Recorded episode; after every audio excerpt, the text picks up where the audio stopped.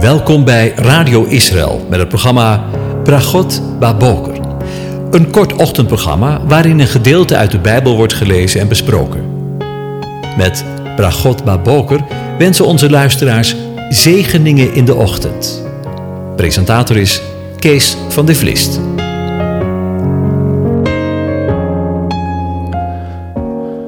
Goedemorgen, Bokatov, beste luisteraars. We gaan weer verder nadenken over Psalm 90 en ik lees het voor, een gedeelte daarvan in ieder geval de eerste 13 versen uit de Nadense vertaling. Een gebed van Mozes, de man Gods. Laten we eens luisteren wat hij te vertellen heeft. Hoe zijn gebed eruit ziet. Heer, schuilplaats zijt gij ons geweest, ingeslacht na geslacht. Van eer de bergen werden gebaard en gij aarde en wereld voortbracht van eeuwigheid tot eeuwig, zijt gij God.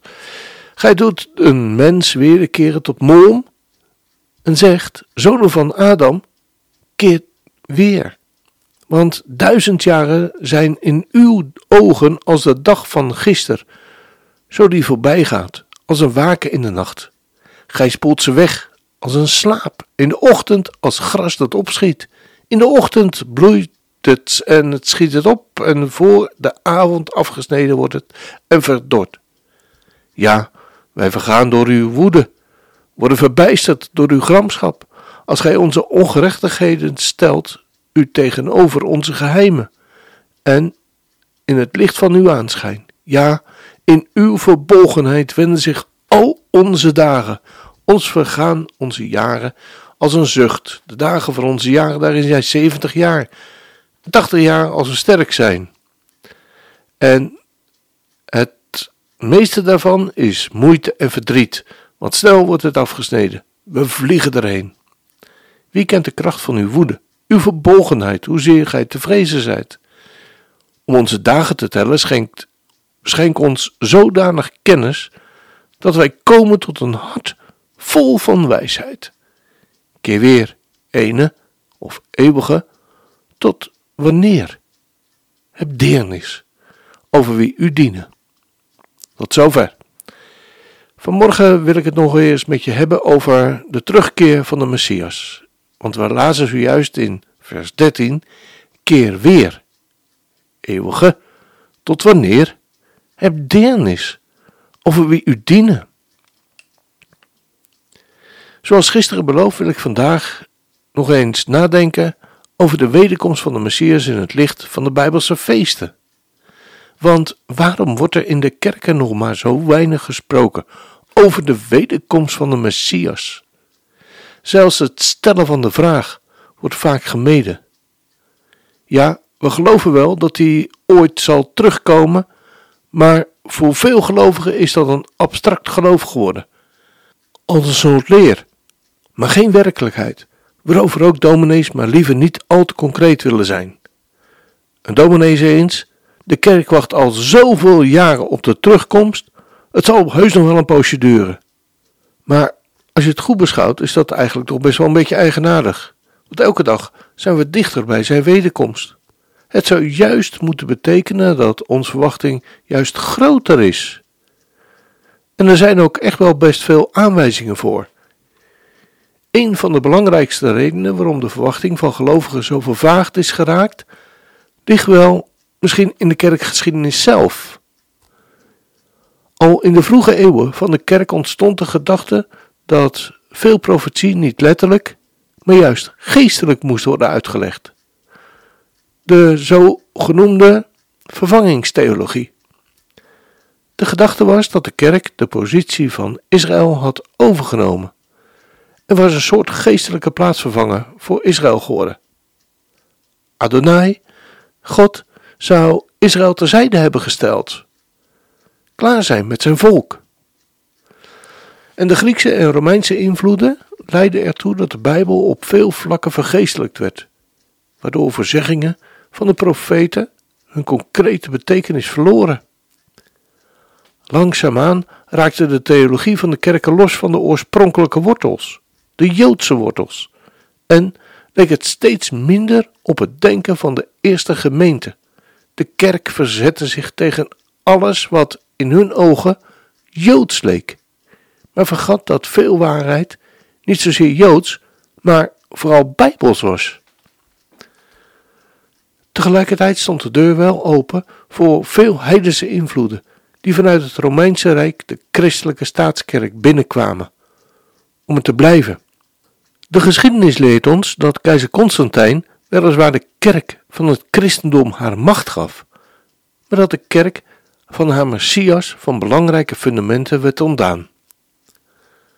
We moeten eigenlijk tot de conclusie komen dat het vandaag de dag nog niet beter gesteld is met de kerk. De kerk van vandaag heeft nauwelijks aandacht voor de Bijbelse feesten die God in het Eerste Testament opdroeg voor eeuwig te vieren. Niet voor een poosje, eeuwig te vieren. En dat is de reden waarom bijna niemand ermee opgegroeid is. Die feesten leken en schijnen voor de christenen anno 2021 niet meer relevant, omdat door de komst van Jezus, de Messias, Yeshua HaMashiach, een nieuwe tijd zou zijn aangebroken waarin deze feesten achterhaald waren. Maar deze feesten, deze bijbelse feesten, godsfeesten, zijn door God Adonai in Deuteronomium en Leviticus zelf tot een eeuwige, je hoort het goed, inzetting ingesteld met één doel. Ze bleken repetities of schaduwen te zijn van toekomstige gebeurtenissen waarin Christus, de Messias, toen al centraal stond. Elk van deze feesten laat een belangrijke heilsfeit zien, die Jezus, Yeshua, later als de Zoon van God zou vervullen. Hij vervulde de diepe betekenis van de feesten. Adonai instrueerde het volk om de Shabbat en de zeven feesten te vieren. De voorjaarsfeesten bestaan uit het Pesachfeest, het feest van de ongezuurde broden en de eerstelingen, en God bepaalde hiervoor vaste kalenderdagen. God bepaalde dat. Vaste kalenderdagen. Wat lang onopgemerkt bleef, was dat Jezus, Yeshua, tijdens zijn bediening de diepe betekenis van elke van deze feesten letterlijk vervulde op de kalenderdag van elk van deze feesten. En hij zelfs op de daarvoor bestemde uren de rituelen vervulde die de priesters al eeuwenlang als schaduwen uitvoerden.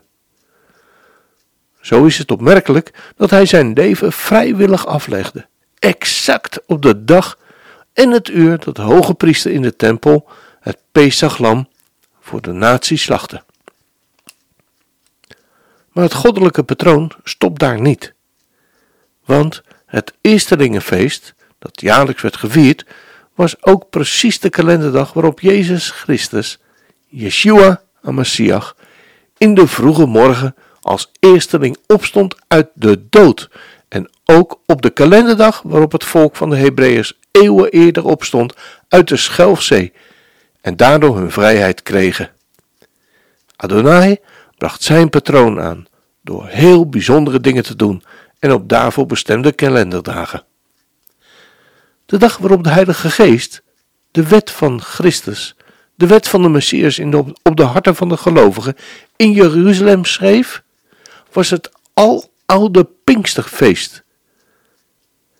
Het vierde feest in de reeks. Dit feest werd al eeuwenlang gevierd en een van de thema's van dit feest was, volgens de Joodse overlevering, dat op die dag God de wet aan het volk gegeven had op de Sinaï en het verbond met hen gesloten had. Op die manier gaf Yeshua aan dat hij de werkelijkheid was van die feesten en alle eeuwen als een aanwijzing werden gevierd. Ben je nieuwsgierig geworden naar de andere feesten? Yeshua deze voorjaarsfeesten precies op de bestemde dagen vervulde, komt de vraag naar voren hoe de nog niet vervulde najaarsfeesten dan vervuld zouden worden. Deze feesten zijn nu nog niet vervuld, maar Adonai hier in zijn patroon volgt, zullen ook deze feesten in de nabije toekomst vervuld worden op de hun bestemde kalenderdagen. De najaarfeesten bestaan uit het Bezuinenfeest, de Grote Verzoendag en het Loofhuttenfeest. Ook deze feesten worden door de kerken, ten onrechte overigens, niet meer gevierd en daardoor missen christenen veel concrete aanwijzingen over de wederkomst van de Messias. Over het bezuinenfeest lezen we in Leviticus 23 vers 24 en we lezen daar, spreek tot de Israëlieten en zeg, in de zevende maand, op de eerste dag van de maand, moeten we een rustdag houden, een gedenkdag, aangekondigd door bazuingeschal, een heilige samenkomst. In dit feest wordt uitgebeeld dat Yeshua HaMashiach zal terugkomen op de wolken bij het roepen van de aartsengel en het geklank van de bazuin van God. Wat Yeshua hier in Matthäus 24 leert, werd al door Mozes geprofeteerd in Deuteronomium 30 vers 4, waar we lezen, al bevonden uw verdrevenen zich aan het einde van de hemel, toch zal de Heere, JHWH, uw God, uw Adonai, u vandaar bijeenbrengen en u vandaar weghalen. En de Heere, uw God, zal u naar het land brengen dat uw vaderen in bezit hadden, en u zult weer het weer in bezit nemen. En hij zal u goed doen en u talrijker maken dan uw vaderen. Dat zijn krachtige woorden, toch? Nog één keer. Al bevonden uw verdrevenen zich aan het einde van de hemel, toch zal de Heer, Jawel, uw God, u vandaar bijeenbrengen en u vandaar weghalen. En de Heere uw God zal u naar het land brengen dat uw vaderen in bezit hadden, en u zult het weer in bezit nemen. En hij zal u goed doen en u talrijk maken dan uw vader. Ja, en in die dagen leven we. En daarna volgt de Bijbelse kalender de grote verzoendag. Deze dag is voor de Joden nog steeds de meest heilige dag in het jaar. In de tijd van de tempel mocht de hoge priester op deze dag het heilige der heiligen binnengaan, om verzoening tussen God, tussen Adonai en het volk tot stand te brengen. En na dit reinigingsritueel kwam de hoge priester naar buiten. En dat was het volk het teken dat de verzoening tot stand gekomen was. Is het ook een schaduwritueel? Ja, natuurlijk. Want ook in de toekomst zal de hoge priester van de gelovigen uit de hemelsheiligdom naar buiten komen en terugkeren naar de aarde. Dat is de dag van de wederkomst van Christus, de Messias, de dag waarop elk oog hem zal zien. En het laatste feest is het Loofhuttenfeest. Een verdieping van het feest leert dat het een schaduw is van de start van het toekomstige vrederijk. Het zal de periode zijn dat de koning der koningen op aarde zal regeren en woning onder ons zal maken. Veel van al deze schaduwbeelden zijn in de vroegere eeuwen van de kerk totaal verloren gegaan, met de gedachte dat de kerk in de plaats van Israël gekomen zou zijn. Wat een armte! Israël is door de kerk aan de kant geschoven, maar de God van Israël doet dat niet en zal zijn weg gaan met zijn volk en die ook voortzetten. De volgorde van de Bijbelse, of beter gezegd godsfeesten, leert ons veel meer over de opeenvolgende periode in het heilsplan van God met zijn volk, Israël, en met de gelovigen die uit de heidenen zijn. Gods woord stelt ons op de hoogte van de tijden waarin wij leven. Leer dan van de vijgenboom deze les. Als de boom weer gaat uitlopen, uitbotten, dan weet je dat de zomer nabij is. Als Israël weer tot leven komt, moet je weten dat het erbij is, voor de deur. We gaan luisteren naar het lied Bring Us Back van Joshua Aaron. I want to welcome, we've got a beautiful group, uh, a good friend of mine, Brian Slater, with Abundant Bread of Salvation. uh, over here in the corner. He brought with him 35 Holocaust survivors from the Association of Ghetto Holocaust Survivors. Can we stand up over here in the corner? Thank you, guys.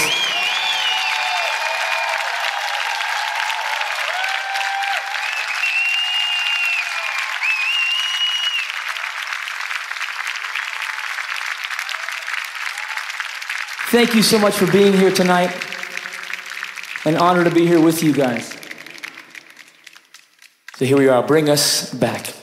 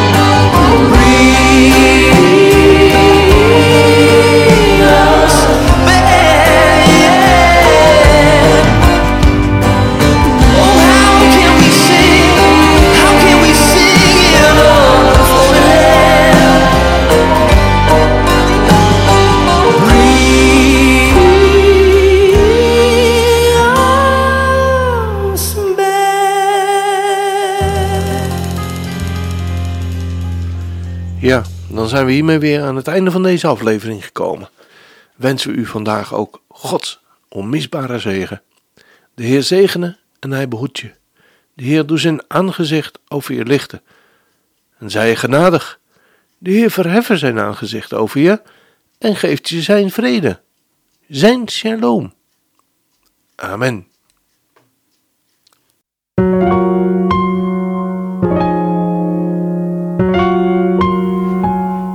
U hebt geluisterd naar het programma Bragot Baboker. Een kort ochtendprogramma waarin een gedeelte uit de Bijbel wordt gelezen en besproken.